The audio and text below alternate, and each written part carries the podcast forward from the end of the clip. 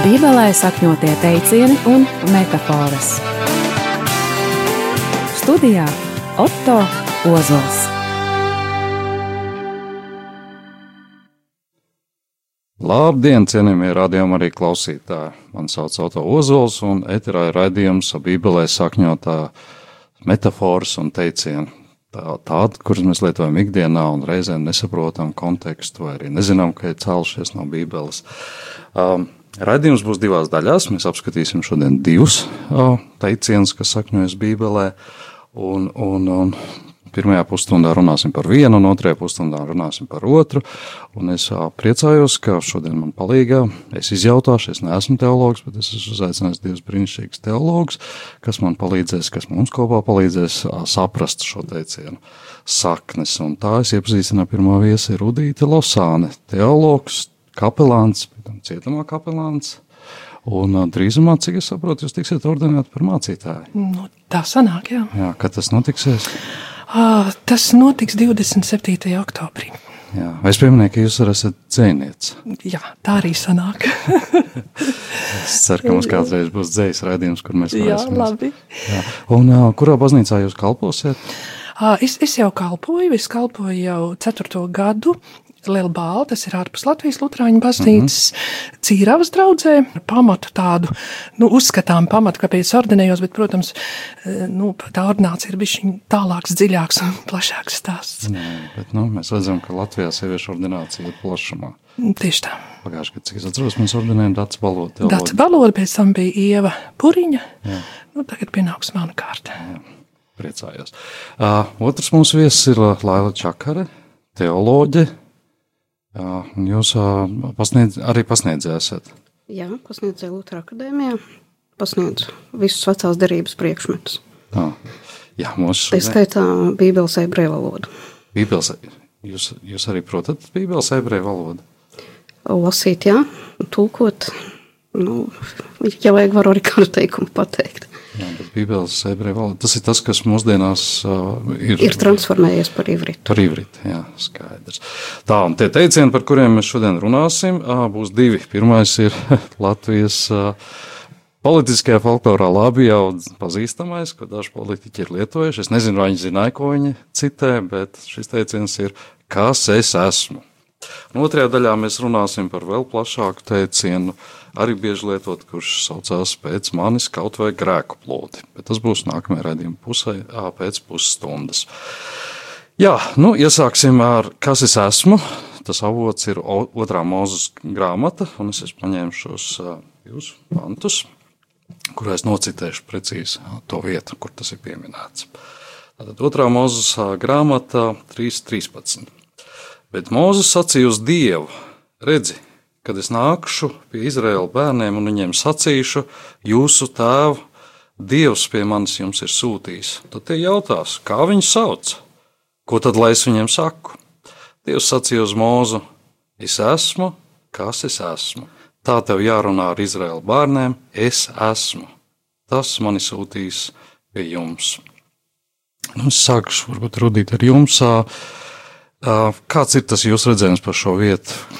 Ah, es domāju, ka vajadzēja vispār sākt ar, ar Lailu, jo viņa Jā. ir speciāls vecā derībā, un varbūt tad es pateikšu to, ko viņa nepaspējas pateikt. jā, ja, ja vēl būs laiks. jā, jā, ja vēl paliks laiks, jā. Jā, būtībā šis ir ļoti specifisks izteiciens, jo šis Dieva vārds, ka viņš saka, ehjē, ašer ehjē, es esmu tas, kurš esmu, tas vienlaikus ietver arī Dieva vārdu, un no šī arī nāk šis Dieva vārds Jahve, kas nozīmē esošais, pastāvošais, nemainīgais, mūžīgais, visas šīs nozīmes. Un vecajā derībā šis uh, ehjē, ja, kad Dievs saka, sūta mūzu pie uh, viņa tautas un saka, saka viņiem, ehjē, esošais, jeb es esmu tevi sūtījis pie manis. Tas vecajā derībā nemaz nav tik bieži lietots kopumā, drusku vairāk kā 40 reizes. Pārsvarā tieši Dievs to saka par tevi un par sevi.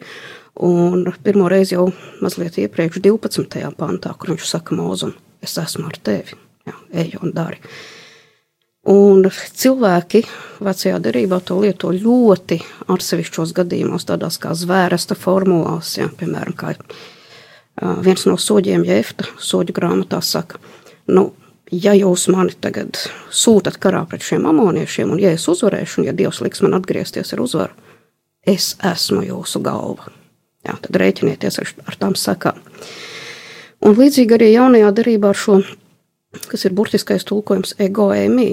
Tas arī nemaz nav tik bieži lietots, un specifiski mēs to sastie, nu, redzam tajos. Jāņa Evanģēlija desmitajā nodaļā šais Jēzus teicienos: Es esmu durvis, es esmu augšām celšanās un dzīvība, es esmu labais gans. Tas arī tur tiek lietots kā tāda specifiska formula.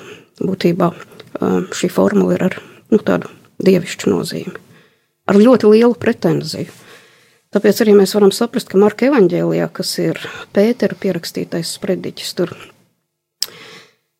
uz augstā priestera jautājumu, vai tu esi Kristus, visaugstākā, jeb svētītā, jeb slavējamā dēls, ja jūs atbildat šo formulu, ego eimi, es esmu. Un citi evaņģēlisti to nepiemina, bet nu, Pēters tikai iespējams, caur ko arī Marks to ir pierakstījis, jo viņš tur bija vistuvāk klāt. Mm -hmm. Nu, tad ir vēsturisks mazs papildu jautājums. Tas ir otrā mūzes grāmatas 3.13. Cik, cik vecs ir šis teksts pēc vēsturiski, kā zinātnieki saka, kad viņš ir atrasts? Atrasts tieši. Kad viņš ir radīts, viņš varētu būt radīts. Nu, ir doma, ka šī iziešana, iziešanas notikums ir apmēram pusotra tūkstoša gadu pirms Kristus. Nu, tas mm. nozīmē aptuveni 3,5 tūkstošu gadu. No šī brīža skatoties atpakaļ. Jā, jā.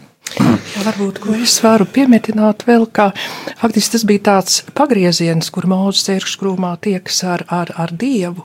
Ir tāds pagrieziens uz ļoti nopietnu izēju uz tādu monoteistisku reliģiju, jo līdz tam jau uh, ebreji sauca Dievu par Eli tieši tāpat kā kanānieši, un, un šis bija tas, tas pirmais eh, notikums, kur Dievs nosauca sevi pavisam citā vārdā, eh, kā neviens no citām tautām Dievu nesauc. Un es esmu pat lasījusi, ka teologi saka, ka šajā vārdā e, es esmu ir, ir sava, sava veida kods ko Dievs e, palaiž kosmosā cilvēki.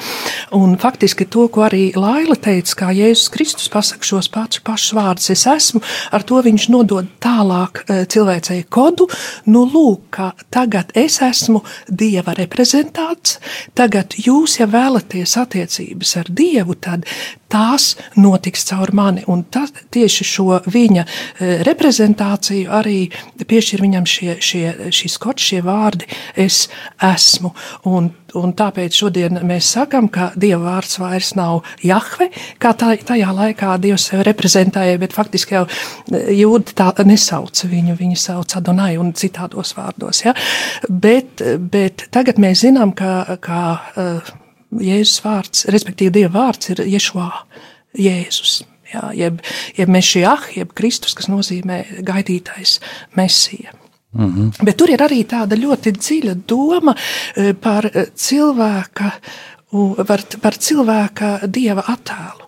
Jo faktiski e, cilvēks, krītot grēkā, bija līdzību pazaudējis, bet attēlu viņš bija saglabājis. Un, un faktiski šis esmu arī kaut kādā veidā tiek nodots mums kods, kā mums meklēt ceļu atpakaļ pie dieva Un tas pamat uzstādījums, piemēram, praktiskā teoloģijā, ko es pielietoju, strādājot cietumā, un arī draudzēs, ka principā pie manis atnāk cilvēks, tad vispirms mēs cenšamies no visām pusēm apskatīt, nu, kas tas šis cilvēks ir, kas bieži vien savu identitāti nav ne īsti noformulējis, vai arī viņa ir bijusi un viņš ir pazaudējis. Jo faktiski arī mūsu identitātes sākums ir ar vārdiem es esmu. Un tāpēc arī šis, šis tautā iegājies, folklorizējies teiciens, ko mums ir dāvinājis mūsu prezidents Zatlers, es esmu, ir, ir ļoti spēcīgs eh, laikmeta impulss, laikmeta zīme.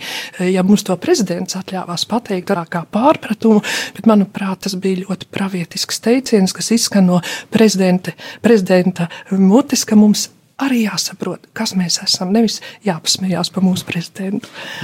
Jā, es atzīšos šajā vietā, man jāatzīstās, ka šī situācija man lielā mērā uzvedināja pētīt vairāk Bībeli, runāt ar cilvēkiem, ka, nu, šī situācija ar prezidentu Zetleru, ka viņš to pateica, un kad īstenībā viņš sastapās ar vispārēju izsmieklu, kad viņi apsmēja par šo teicienu, nonievāja īstenībā, un, un es, es skatījos, ka tu darīji viena daļa žurnālisti, kā izglītot cilvēku, un es vienkārši konstatēju, ka viņi nesaprot, ka viņš ir pārfrāzējis biblisku tekstu. Un es, es ar prezidentu Zatleru esmu runājis, un, un es nešaubos, ka viņš kā ārsts, ļoti ilgstošs ārsts, ka viņam ir bijuši biblisks pārdoms, ka viņš ir lasījis, un ka viņš, uh, varbūt viņš tādā brīdī, es nezinu, iedomājas vai neiedomājas, bet ka viņš būtībā atsaucās tiešām uz Bībeli un uzdev šo jautājumu. Un ka izglītotā sabiedrībā, manuprāt, tam nevajadzētu būt par izsmieklu vai ņirgāšanos vai, vai un, un jā, nu, tas man kalpoja par iedvesmu, kad, ka ir jāsāk vairāk pētīt un runāt un informēt cilvēkus. Jo viegli ir nosodīt pārmest autu muļķis, nezinu, bībeli, tas, tas būtu tā paša taisnība. Jā, bet ja mēs paskatāmies arī vecajā darībā, par ko Laila varētu ļoti labi pastāstīt, vai tad šos pravietiskos paziņojumus ebreju tauta vai jūdu tauta pieņēma tā viennozīmīgi, jā, nu beidzot pie mums ir atnākusi patiesība, jā. nu taču nē, vai nu cilvēkos izpaudās dusmas, jeb šo arī izsmieklis, jā, tā kā es domāju, tā, tā šim teicam, teicienam tā no masām ir ļoti adekvāta reakcija, bet ja mēs katrs individuāli par to padomājam, vai tas arī nav mūsu jautājums, kas es esmu, es varbūt varu arī liecināt pirms eh, Laila ķerās pie tādām nopietnām teoloģiskām lietām, ka es atceros, tas bija nu, ļoti daudz gadus atpakaļ, pat 20, kad es meklēju ceļu, garīgu ceļu pie Dieva un, un pazaudēju faktiski gan darbu, gan, gan arī ģimeni un, un paliku paliku tādā noscītā, noscītā līmenī viena, un es atceros, es vienu pat atrados istabā un, un uzšķīru šo vietu, kur tieši kur Mūzes satiekās ar Dievu, un, un, un tur izskanēja šis jautājums, es esmu, un kas es esmu. Un, un tas bija faktiski mans sākums manai garīgai atzimšanai, ka es sāku meklēt, kas es esmu, vai tiešām es esmu tas, ko man eh, šīs vizītkartes, ko man piešķir sabiedrība, vai tas ir mans samats, vai, vai tas ir kaut kādai grupai man piedrība, kas es īsti esmu. Tajā brīdī es, es nebiju nekas pēc manas izpratnes, un faktiski šis, šis jautājums bija sākums manai, manam garīgajam ceļam, un iespējams arī tāpēc es eh, tagad eju uz ordināciju par mācītāju. Faktiski es jau tur pa 20 gadus kalpoju kā garīdzniece. Acīm redzot, ka pa gadiem es esmu nolobījusi šos aizspriedumus, eh, sociālos, iespējams arī teoloģiskos, un es jau savos gados varu stingri stāvēt tajās pozīcijās, ka es pasaku, jā, es esmu mācītāja. Jā, un zināmā mērā ar sevi lobot arī zinām Latvijas sabiedrībai tos aizspriedumus. Jā. jā, es domāju, ka daudz kur mums ir jādomā šajā gājienā uz tādu patiesu īstu brīvību, arī labklājīgu un turību, turīgu valsts. Tas ir, ir ļoti svarīgi komponenti saprast, kas es esmu šajā valstī, kas es esmu kā indivīds, kas es esmu iepretīm sabiedrībai, kas es esmu iepretīm dievam.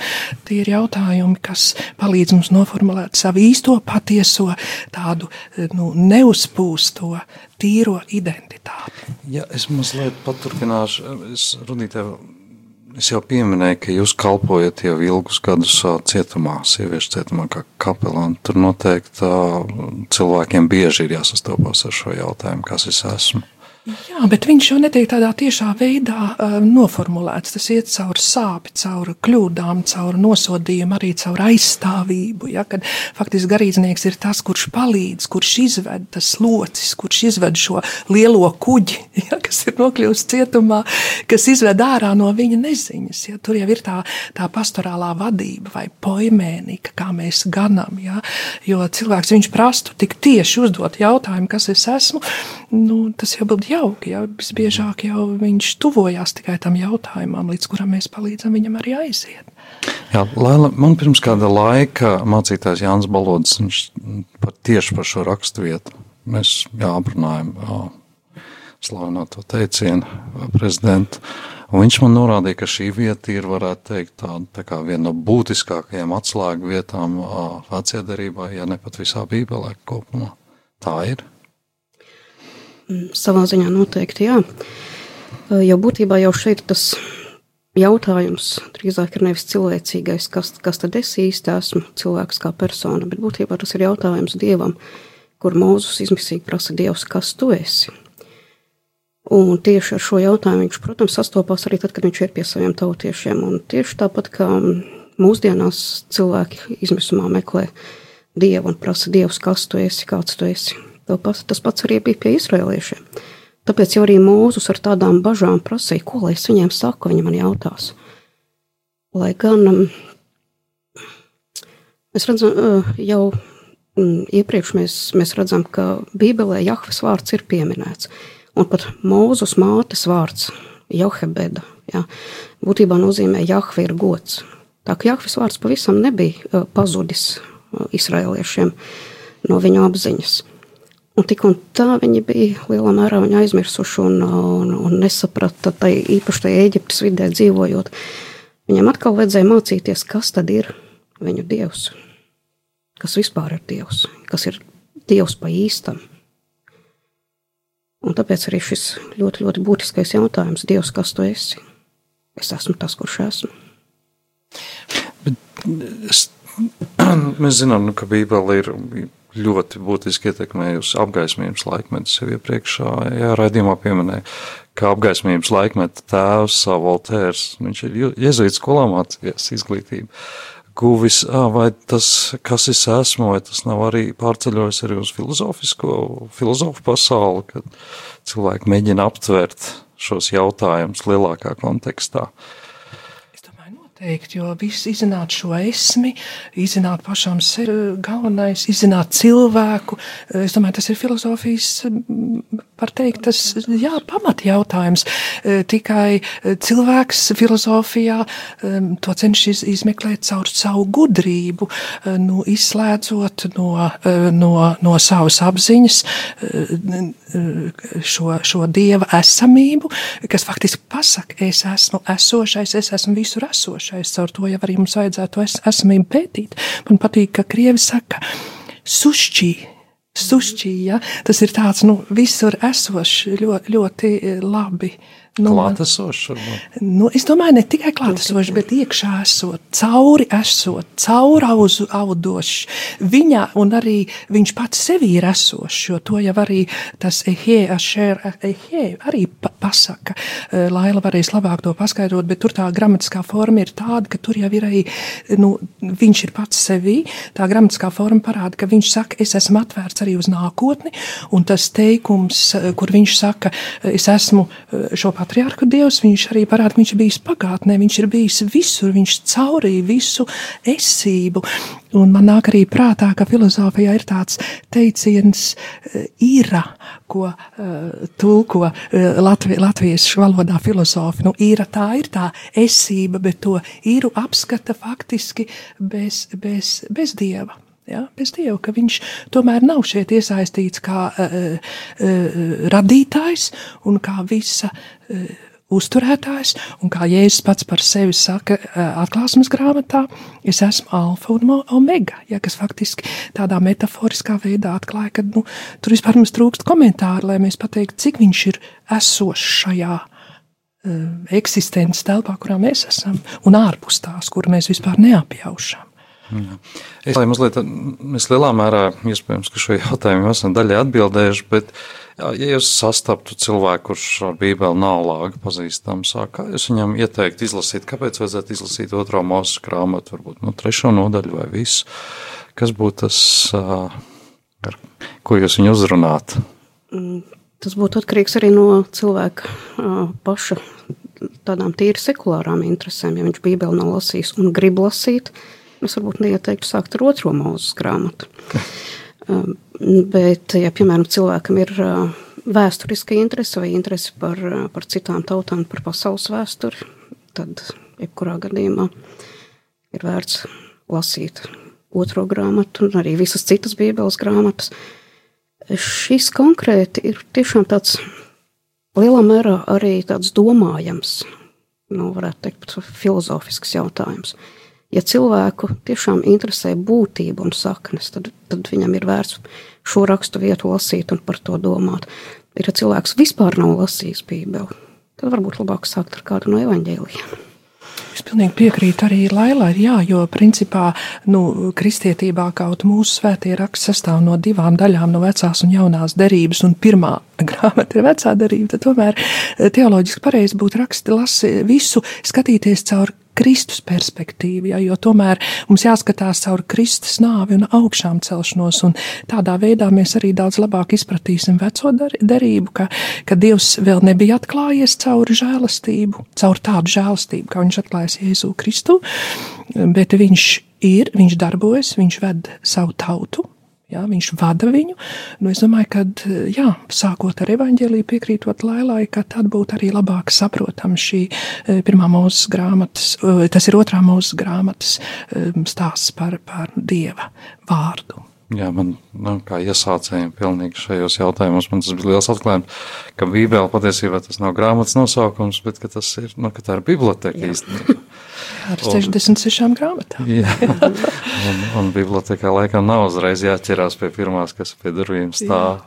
Bet tas vienmēr bija labs jautājums, uz kuru man dažādi mācītāji, dažādi teologi, dažādi atbildes. Gribētu zināt, kā jūs atbildēt, ar kuru tad jūs ieteikt iesācējiem, kuram ir interese par Bībeli, bet viņš grib sākt.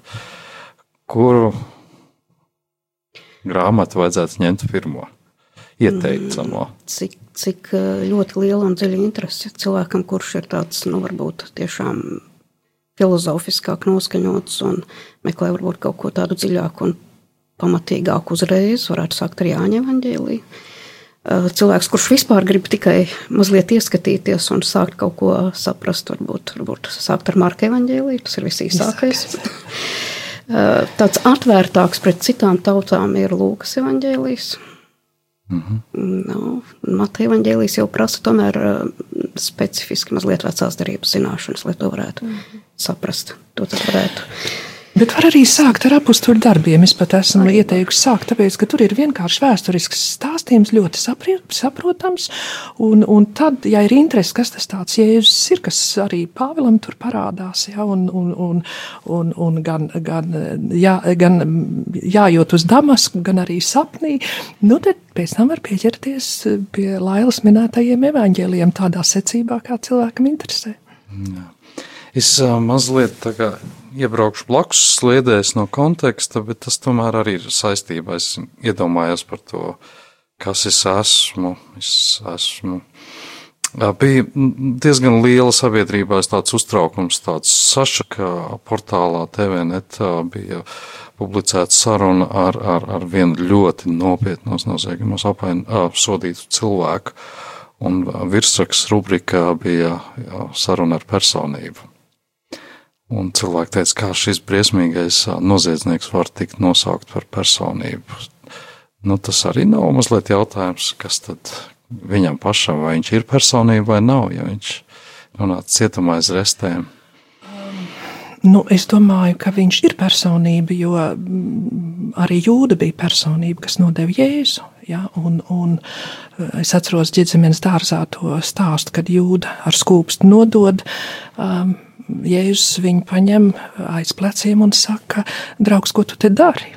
Jā, tā, tā, tā ir kaut kāda e, novērtējums arī šādam cilvēkam. Jā. E, bet, protams, personības, var, arī Hitlers bija personība, arī Staļins bija personība. Jā, bet, protams, katru personību mums ir jāizvērtē, jo mēs esam ieinteresēti, lai mums apkārt ir tādas personības, kas neapdraud mūsu drošību, e, mūsu mieru, ja, un, un tāda personība, kas to apdraud, kas mūs, e, nu, kur, kura dēļ mēs nevaram normāli veikt savas sociālās funkcijas un būt laimīgi, nu, tādas ir jāizolē šādas personības. Jā, bet šādi cilvēki, jums, jums ir sevišķi cietumā pieredze, bet es vēlreiz atkārtoju to jautājumu, bet uh, tas ir tas laiks, viņi, viņi iet cauri šiem jautājumiem, kas es esmu.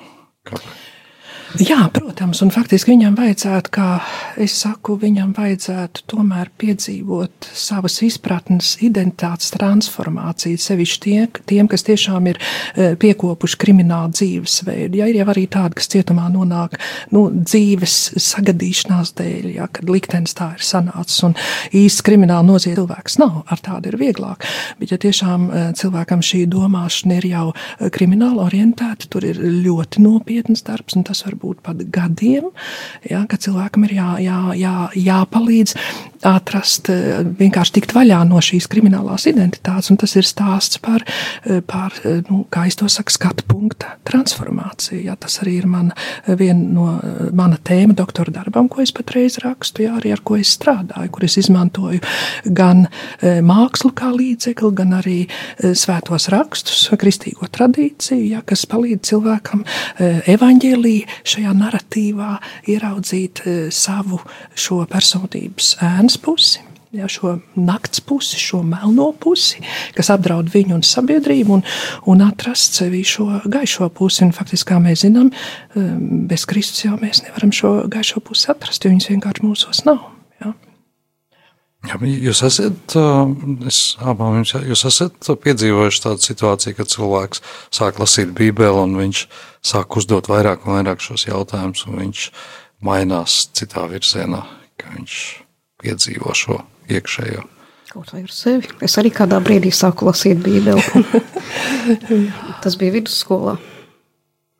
Un, un, nu jā, tas... Un, būtībā uz to pamudināja ateistiski noskaņotais skolas direktors, kurš vienkārši izsmēja kādas lietas, kas ir Bībelē.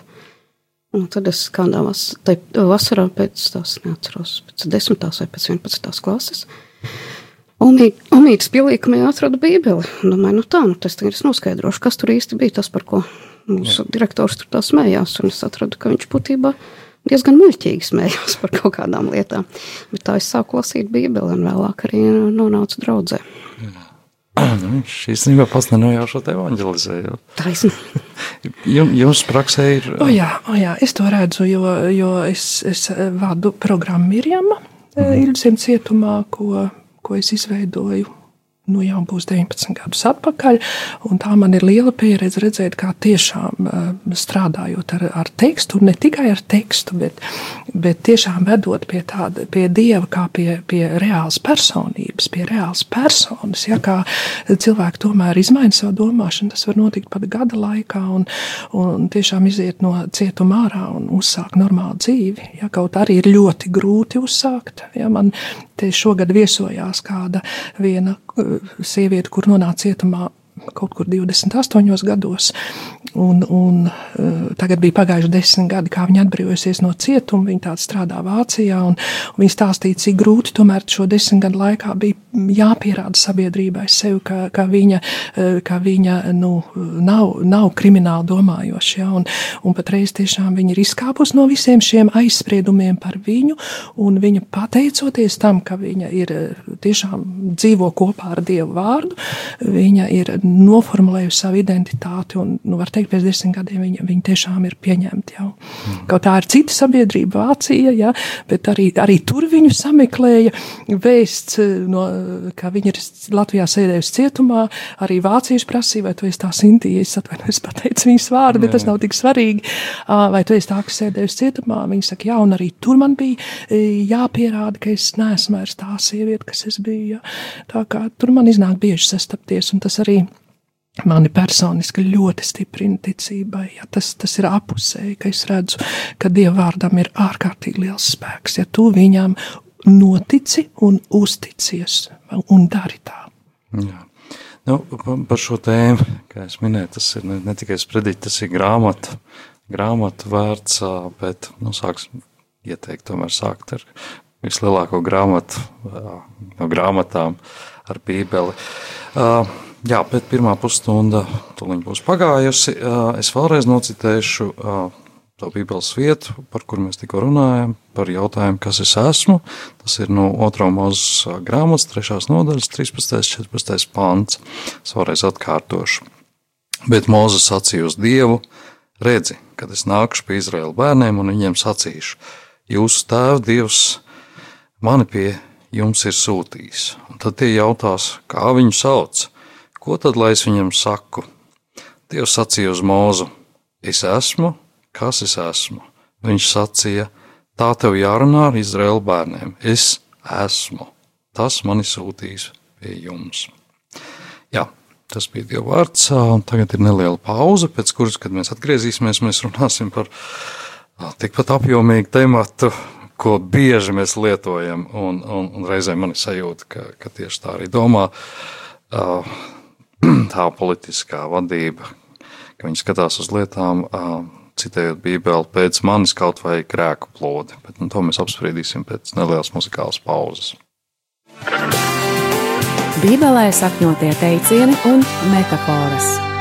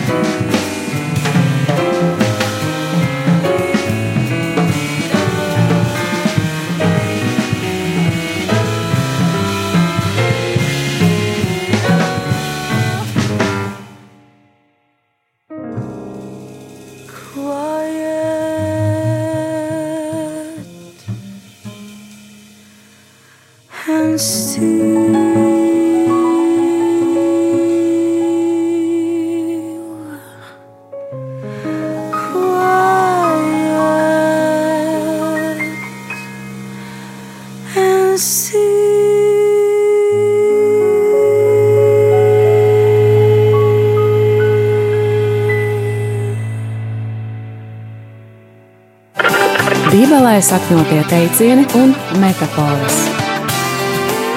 Studijā Otto Ozols. Jā, tieši tā. Studijā esmu es, Auto Ozols. Tie, kas ir tagad tikai ieslēguši radioaparātu, un redzējums patiešām ir Bībelē sakņotās metafāras un teicieni. Un šodien mēs runājam par, par diviem teicieniem. Pirmajā daļā, kur jūs iespējams dzirdēt, mēs runājam par teicienu, kas es esmu. Un, un, un, un nākošais būs nopietnāks, jau plašāks. Es ne, ko, tā nevar izmērīt nopietnāks vai plašāks, bet nu, tikpat ietilpīgs teiciens pēc manis kaut vai grēku plūdi. Atgādinu, ka šodien pie manis studijā ir ā, divas cienījamas teoloģijas, Rudīta Losāna, kapelāne un dzēniece, Laila Čakare, arī teoloģija, pasniedzēja Lutera akadēmijā. Jā. Un tad es neesmu nekāds speciālists, bet es mēģinu izjautāt, lai man cilvēki palīdz ā, saprast ā, šo teicienu jēgu un būtību un kontekstu. Un pirms mēs ķeramies klāt pie teiciena pēc manis kaut vai grēku plūdi, mēs saņēmām ziņu no kāda klausītāja, kurš uzrakstīja, atsaucoties uz iepriekšējo daļu raidījumā, viņš teica, Es pazīstu cilvēku, kurš vidusskolā pieskaroties zinātniskajam ateismam, kur mācību materiālos bija daudz bībeles citātu, izlēma pats to lasīt. Tagad viņš ir katoļu priesteris. Apsveic! Jā, un tradicionāli pirms mēs apspriežam šo tēmu, es izlasu rakstu vietu, kurā ir minēts šis teiciens. Un, Pēc manis kaut vai grēku plūdi ir minēts 2. mūzes grāmatā, 6. nodaļa no 11. līdz ā, 17. pantam. Es viņus tagad nolasīšu. Bet zeme bija samaitāta Dievu priekšā un pilna varas darba. Un skatīja Dievs to zemi un redzi, tā bija samaitāta, jo ik viena radība savu ceļu samaitāja uz zemes. Tad Dievs sacīja Noām, ik vienas radības gals nāk manā priekšā, jo zeme ir pilna varas darbu, ko tie dara. Tādēļ es viņus izdeldēšu kopā ar zemi. Taisi sev šķirstu no sveķainiem skūju kokiem, ar nodalījumiem tev to šķirstu būs taisīt, un no iekšpuses un no ārpuses tev to būs iztriept ar darbu. Lūk, kādu tev to būs taisīt. Garumā 300 olektis un platumā 50 un augstumā 30 olektis.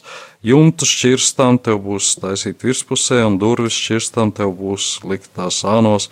Trijos stāvos tev to būs taisīt, jo redzi, Es likšu nākt ūdens plūdiem zemes virsū, kas iznīcinās visu radību zem debesīm, kam vien ir dzīvības tvašs. Visam, kas zemes virsū būs nobeigties. Jā, šī tāda skarba bībeles vieta, jā, Laila, jā, es jums kā vecās darības speciālistam tad jautāšu, kas, kas šeit īsti notiek. Nu, būtībā šis ir, varētu teikt, otrs traģiskākais notikums visā cilvēces vēsturē.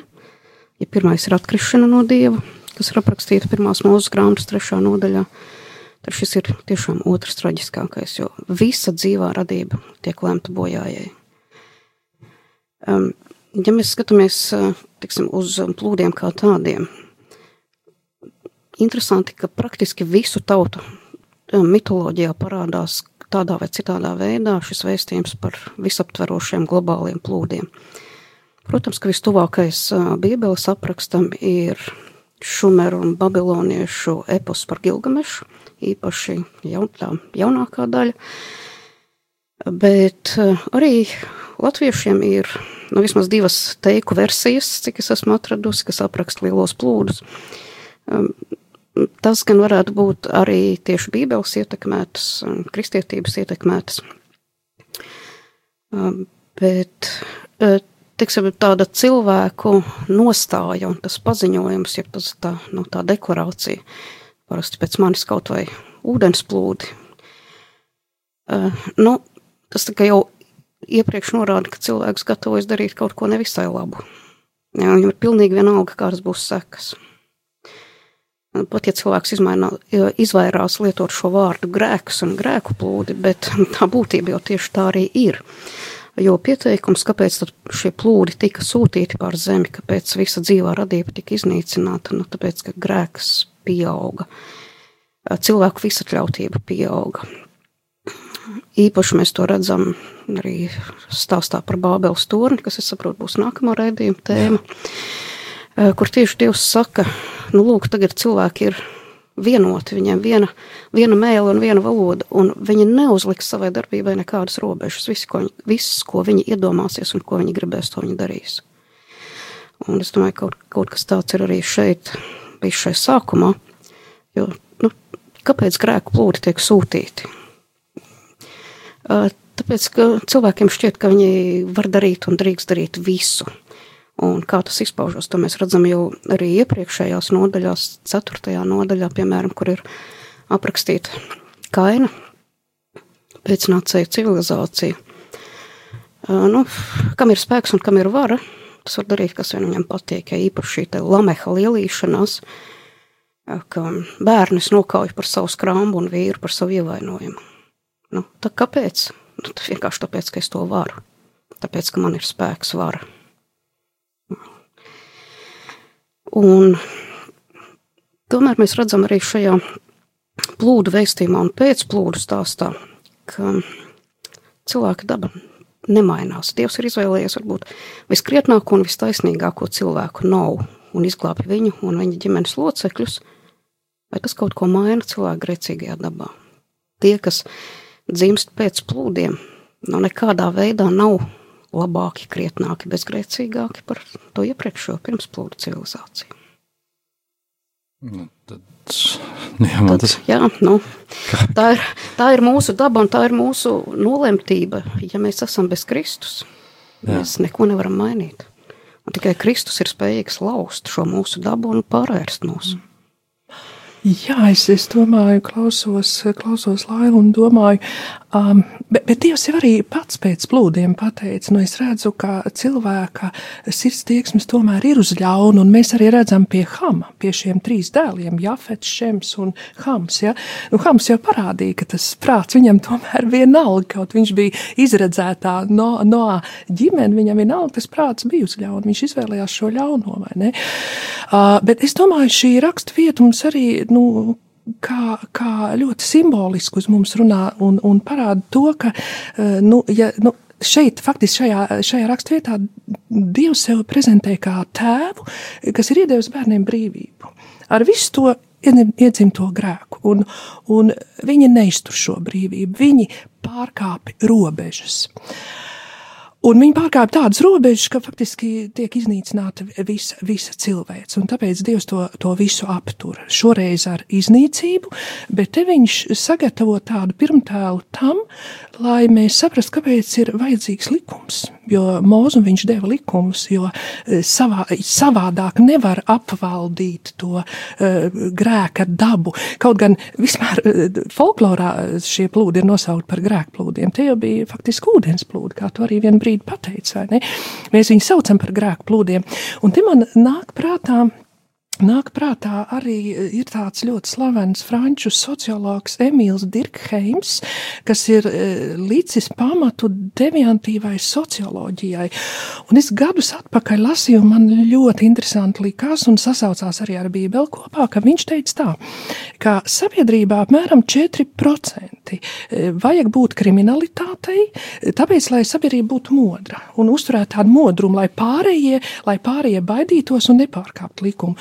Bet ja šī kriminalitāte iet pāri 7%, tad sabiedrība jau ir ļoti izbaidīta un apdraudēta. Un, un es te gribu spilgt tādus paralēlus arī ar šiem, kā mēs sakam, grēku plūdiem. Ja, tie, ja mūsu grēki tiek tā kā upe krastos ielikta, tad viņa nav bīstama. Bet, ja mēs tiem grēkiem veļamies pāri e, šiem krastiem, ja, ja mēs pārkāpjam jau 4% robežu, tad mēs kļūstam bīstami visai sabiedrībai.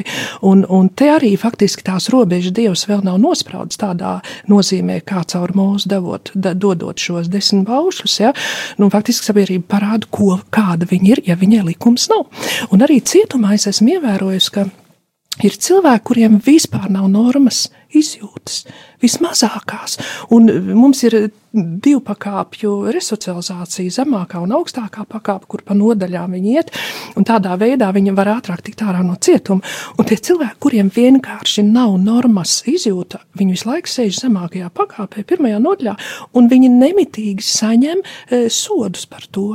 Un es redzu, ka viņiem pietrūks šī, šī, un kāpēc tas ir tāds vai nu sociāls fenomens, vai nu bioloģisks, vai nu saistīts ar audzināšanu, vai vispār ar empātiju pret ārējo vidi. Ja? Bet tā kā es domāju, ja mēs pārnesam šos grēku plūdus uz šodienu, tad mēs varam caur to grēku plūdu lēts paskatīties arī uz šodienas sabiedrību un neuztraukties, ka mums ir bargi sodi, ka mēs braucam ar automašīnu ātrāk nekā atļauts, vai, vai, vai citi pārkāpumi, vai par alkoholu lietošanu. Ja? Tās ir tiek nospraustas robežas, lai, lai, lai mēs dzīvotu kaut kādās zināmās robežās, lai mēs viņas nepārkāptu. Jo nu, mēs jau nekad nebūsim balti un pūkaini. Ne? Mēs vienmēr kaut ko nostrādāsim, nepavēlti mums grēksūdzē. Mēs sakam, Dievs, piedod to, ko es esmu pret tevi grēkojis domās, vārdos un darbos. Ja? Un to mēs varam teikt katru nedēļu, vai ne? Tā tas ir. Tāpat iemeslu pēc mums pēc tam deva desmit baušļus. Jā, es domāju. Ne, nu, cilvēkiem ir vajadzīgi likumi un robežas, jo nu, kaut arī bauslība mums nedod glābšanu, bet tomēr mūs ieliek kaut kādos rāmjos, lai mēs nu, neapskādētu cits citu tik ļoti.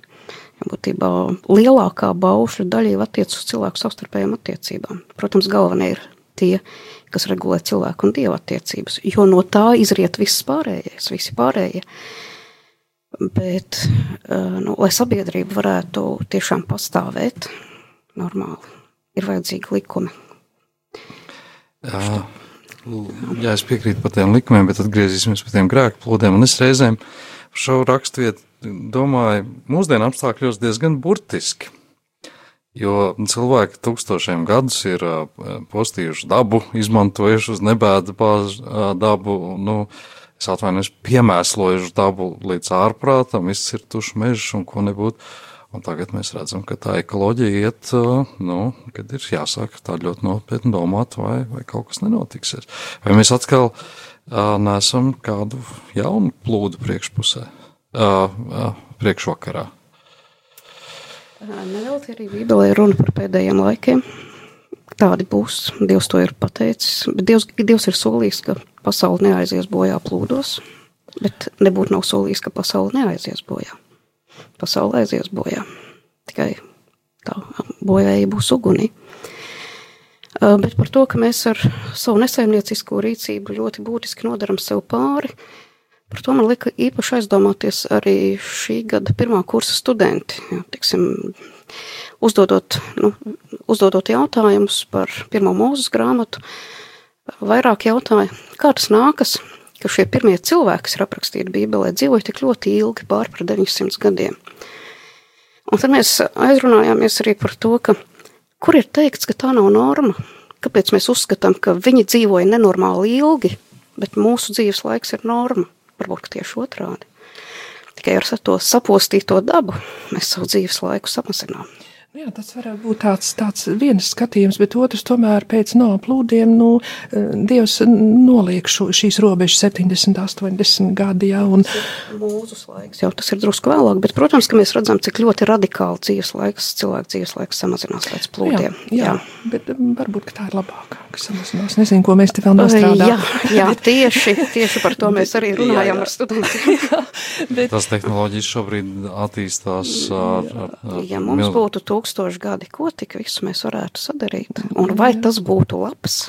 Jā, es, tas, tas tā jau vairs nav zinātniskā fantastika, bet es lasīju nopietni zinātnē, atzinums, ka no 20, 30 gadu laikā zinātne būs visi tie printeri, 3D un kas nebūtu ka tiešām varēs nomainīt mūsu rezervus detaļas te vai mūžīgi. Mēs ka var pienākt tā paudze, kas tiešām varētu teorētiski nodzīvot 900 un cik tur gadus, bet es šaubos. Tā ir, tā ir šī cilvēku mūžīgā tieksma un vēlēšanās kļūt mūžīgiem, iegūt mūžību bez dieva. Jā, tas ir. Bet vai šī vieta nebūtu tomēr tāda iedvesmas vieta, pārdomu vieta tiem cilvēkiem, kas šobrīd aktīvi runā par dabas aizsardzību, par klimatu pārmaiņām. Es varbūt varu šajā, es, es zinu, ka universitātē māca tā saucamo, manuprāt, ekoloģisko teoloģiju, tā kā pat teoloģija at, at, attīstās šajā virzienā, mm -hmm. lai liktu cilvēkiem no garīga aspekta domāt, kas tad ir šī kopējā mūsu um, māja, šī pasaule, uz ko mēs dzīvojam, vai ne? Bet tomēr es, es negribētu palikt tajā, tajā nu, diezgan lielā, tādā nu, mazliet depresīvā noskaņojumā attiecībā uz pasaules iznākumu, kā arī mums vēstīja šie nosplūdi, jo tomēr mēs skatāmies, ka Dievs tomēr beigās parāda savu žēlastību. Nu, tomēr kaut, nu, viņš, viņš sāk rūpēties par šiem cilvēkiem, kuriem, kuriem tomēr tā sirdsprāts nu, tiecās uz ļaunu, kuri nespēja atteikties no tiem varas darbiem. Un, un es domāju, tā pasaule arī tāpēc pastāv, ka tā Dieva žēlastība ir uz mums, ar mums, un tomēr tas, tas mūsu, var teikt, tas, tā mūsu ģenētika, tas DNS, kas veido arī mūsu prāta potenciāli, ir, ir attīstījies vēsturiski tik tālu, ka mēs arī jau sākam šos procesus, kur mēs esam ienesuši iznīcību, kontrolēt. Ja? Tāpēc mēs domājam par ekoloģiju. Ja? Sākumā mēs, mēs tiecamies uz ļaunu, mēs gribam dzīvot individuāli, lai mums pēc iespējas kaut kas vairāk, bet pienāk brīdis, ka mēs sajūtam, ka mēs esam kaut kādas nu, ro, robežu tūmā, ka mēs būsim iznīcības priekšā, un mēs paši jau sākam to regulēt. Ja? Tā kā es domāju, tā arī tāda liela dieva svētība, ka, ka mums arī šis prāts attīstās ne tikai tādā virzienā, lai iznīcinātu, bet tādā virzienā arī, lai saglabātu. Jā, un tad, tad tas ir tas vēstījums, kādreiz es aizdomājos, ka nu, būtībā Dievs šeit mums devis ļoti skaidru ekoloģisku vēstījumu, ka viņš jau ieliek tādā nāves šķirstā, viņš ieliek katru dzīves radību nu, pāri vien ieliek iekšā. Vai tas nav vēstījums, ka cilvēku mīļais tev ir jārūpējas, lai uh, vismaz palikt no katras dzīves radības kaut kas? Nevar, kā maudze duns pēkšņi izlēma, iznīcināsim visus virbuļus, kas. Uh, es domāju, varbūt drīzāk šis vēstījums nav tik ļoti ekoloģisks, jo tā ir ļoti liela traģēdija, kā minēju sākumā. Tas, ka cilvēkam ir jārūpējas par visu dzīvo dabu un visu radību, tika ielikts cilvēkā iekšā jau radīšanas brīdī. Jo, ja mēs paskatāmies tieši uz šo stāstu kā tādu, ne jau cilvēka noziegumu pret dabu dēļ šī plūde, šī plūde sākās, bet cilvēku noziegumu vienam pret otru dēļ un dēļ atkrišanas no Dieva. Tā, ka, nu, varbūt tas nebūtu gluži tāds karoks, ko ekologiem vicināt, bet katrā ziņā tas mums visiem liek aizdomāties par savu darbu sakām. Es domāju, ka tas būtu varētu būt viens virziens, kas iedvesmotu domāt arī šādā plāksnē. Bet uh, nu, tīri tā no, no tā mazliet vienkāršotāk, piezemētāk, um, ja nu man reizēm ir tāda sajūta, ka uh, tie politiķi domā uh, vienas dienas kategorijās, un kas būs pēc tam kaut vai grēku plūdi. Uh, Vai tas nav arī kaut kāds tāds tā kā simbols, kas liek domāt par, par tālredzīgu un tūredzīgu rīcību? No. Es domāju, ka saprotiet, visi jau tā sabiedrība šodien mums ir vērsta uz individuālismu un arī savā veidā uz tādu hedonismu. Ja, ka, nu, mēs domājam, kā nopelnīt naudu un kā labāk atpūsties, kā vairot savu uh, bagātību. Ja, un, un faktiski arī tā politika, manuprāt, tiek tādā veidā arī veidot, lai, lai apmierinātu tā vēlētāju vajadzības. Ja, un, un mēs ejam tādā, nu, burtiski tādā noslēgtā ritenī uz, uz nekurieni, vai ne? Bet, nu, te vajadzētu mums, man liekas, mūsu politikā uh, būt tēviem un mātēm, ja? Kāpēc šis jēdziens tēvs un māte tomēr nes līdzi semantiski to, ka šiem cilvēkiem vajadzētu rūpēties ne tikai par to, lai iedod bērnam rokā to, ko viņš grib, bet lai iedod bērnam to, ko viņam vajag. Ja? Nu, es domāju, ka mums kā sabiedrībai kopā ar saviem politiķiem ir, ir ļoti jāaug. Ja? Tomēr mēs esam 25 ceļā, gadus ceļā uz brīvību, bet e, Izraela tauta bija 40 gadus. Ja? Tā kā mums vēl laiks ir, laiks vēl savu identitāti attīstīt mūsu politiķiem, kā mātēm un tēviem. Arī vēlētājiem ir jādomā par to, ko viņš ievēl. Vai veiklus cilvēkus, manipulatīvus, vai tiešām tēvus un mātes. Es par to es kādreiz aizdomājos, ka es kādreiz, nu, tā kā mazliet uh, latviski nes atcepjos vai šumējos, ka 28 gadu pagājuši kopš neatkarības atjaunošanas un, uh, nu, neiet viss tā, kā mēs bijām cerējuši un gribējuši. Un tad es atceros Bībeles vietu, kad uh, nav viņā 40 gadu staigā apkārt. Es domāju, nu, tikai 12 gadu vien mums ir atlikuši. Jā, šie 40 gadi ir zīmīgi, jo tas ir paudzes aktīvās darbības laiks. Jā. Tas ir. Un, un ja mēs gribam visus pārmetumus veltīt tikai politiķiem, nu, tad tas arī nav adekvāti. Kur tur paliek katra paša individuāla atbildība? Mēs arī ļoti daudz ko varam darīt. Nevis dzīvot tikai šai dienai, bet arī piedomāt par to, Jā, ko tas- mēs darām ar saviem atkritumiem, ko mēs darām ar savu dzīvesveidu. Jā, tad mēs atgriežamies pie raidījuma pirmās daļas jautājuma, bibliskā jautājuma. Atļaušos mazliet pārfrāzēt, mums ir svarīgi pajautāt, kas es esmu un kas mēs esam. Tas ir tas svarīgi.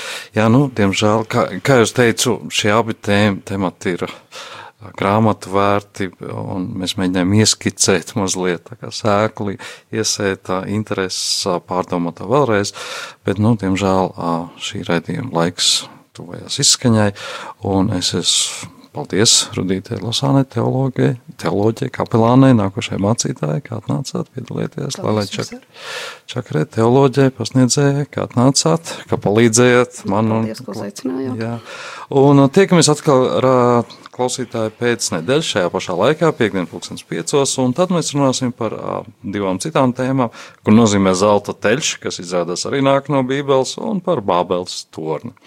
Paldies, ka klausieties, visu labu, svētību jums! Uzredzēšanās. Uz redzēšanos! Bībelē sakņotie teicieni un metafāras.